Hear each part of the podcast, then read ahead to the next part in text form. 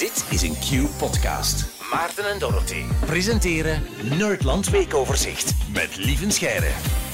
Dag Lieven, goedemorgen. Een goedemorgen. Uh, morgen is het je verjaardag. Je wordt uh, 42, als ik goed uitgerekend heb. 42, the answer to the question of life, the universe and everything. Is dat 42? Zijn jullie niet mee met de 42? Nee? Ah, nee, nee. ik ben niet mee. Oké, okay, uh, heel kort. Er is een fantastisch boek en dat heet The Hitchhiker's Guide to the Galaxy. Ah, en, jawel. Iedereen moet dat lezen. Dat is een hilarisch uh, science fiction uh, comedy uh, boek. En wat blijkt, de aarde blijkt in dat boek is een supercomputer die gebouwd is om het antwoord te berekenen op the question of life, the universe ah, and everything else. Ah, jawel, jawel, jawel, jawel, jawel. Ja, ja. En dan helemaal na, na tienduizenden jaren rekenen heeft de computer het antwoord gevonden en het is 42. ja, en ik heb uh, op Spotify ook nog speciaal voor jou iets dat ik even wil opzetten. Uh, lieven. Wacht, hè. Komt hoor. Speciaal voor jou. Op maat gemaakt. Ja, vanuit haar hart. Allee. Lieve, dit is je verjaardag.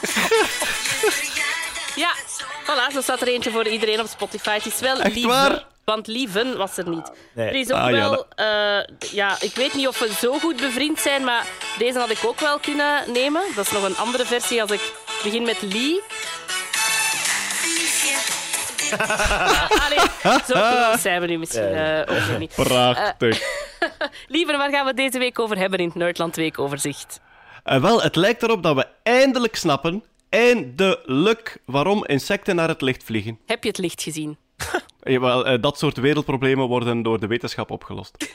Oké. Hebben jullie theorieën? Oei, nee. Ik zou gewoon denken, al de rest is donker, dus ze worden aangetrokken door het verschil en gaan naar het licht. Maar ah, dan zie je dat het kind, het kind bij ons is al lang verdwenen. Hè. In plaats van met er vragen bij te stellen, neem ik daar gewoon akte van. Maar ik, heb, ik vraag me dat eigenlijk niet af. Nee, nee, ik heb... Maar nu wel natuurlijk. Ik ben heel benieuwd. Ja. En dus, Dorothee, jij denkt dat die denken van... Daar is precies iets te doen. Ja, zo dat, die, dat een beetje, ja. Ja, daar brandt licht. Daar zal, daar zal nog wel een pintje zijn. Uh, er zijn verschillende theorieën van waarom dat die beesten zo naar het licht komen. De bekendste is het vermoeden dat ze de maan gebruiken om zich te oriënteren s'nachts. S'nachts is er weinig oriëntatie in het donker. En een volle maan is dan iets handig om u op te oriënteren. En dan dachten ze van ja, dan denken ze dat dat neplicht de maan is en vliegen ze daar naartoe. Ja, die theorie rammelt eigenlijk langs alle kanten, want stel dat insecten s'nachts richting de maan zouden vliegen, ja, dan zouden ze allemaal ergens hoog in de stratosfeer eindigen. Ja. Dus, ja. ja. Uh, er was nog een theorie en ja, die zei, als je ergens opgesloten zit, in een grot of gelijk wat, dan is de beste manier om daaruit te geraken naar het licht vliegen. Ja. Ah, ja. En dat is nog wel plausibel. Hè? Dus er is ergens een gaatje en dan moet je daar naartoe. Alleen of dat insecten zo vaak opgesloten geraken in dat soort situaties, om daar ook een evolutionair systeem voor te ontwikkelen, want dat zou het dan moeten zijn, is ook eigenlijk ja, niet zo waarschijnlijk. Mhm. En nu hebben ze het eindelijk onderzocht door insecten te filmen in slow motion als ze in de buurt komen van een lichtbron. En wat blijkt? Als een insect aan het vliegen is en je schijnt daar opeens met een felle lamp van onderaan richting hun buik, dan draaien die zich om in de vlucht. En dan gaan die ondersteboven een soort halve looping maken uh, richting dat licht. Okay. Als insecten langs een felle lamp vliegen, die bijvoorbeeld aan de rechterkant hangt, dan gaan zij zich schuin in de lucht hangen met hun rug naar het licht, waardoor dat zij ook een beetje een looping beginnen maken. En als je een licht van bovenaan op een insect schijnt, dan gaat die ook een looping maken rond dat licht, zodat de rug altijd naar het licht gericht is. Oké. Dus wat blijkt, insecten gebruiken licht om zich te oriënteren uh, wat boven en wat onder is.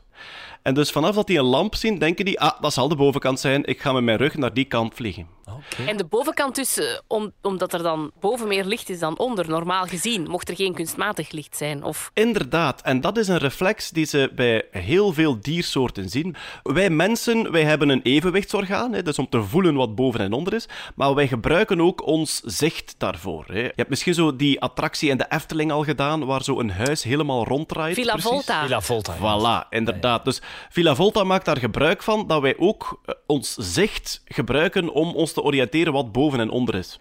En vooral als het heel snel moet gaan. Hè. Stel dat uw evenwichtsorgaan een beetje in de war is, dan kunnen we nog altijd goed rondkijken en zien van oké, ik kan zo op mijn benen blijven staan. En vissen en insecten hebben dat dus ook, maar met licht omdat voor een vis die in de zee zwemt, is de lichtste kant altijd de bovenkant. Er is geen enkele situatie in de natuur waar er meer licht van onder komt dan van boven voor zo'n vis. En insecten hebben blijkbaar diezelfde reflex. Dus vanaf dat die fel licht zien, gaan hun hersenen zeggen: dat zal wel de bovenkant zijn. Ik ga met mijn rug naar die kant gericht zijn.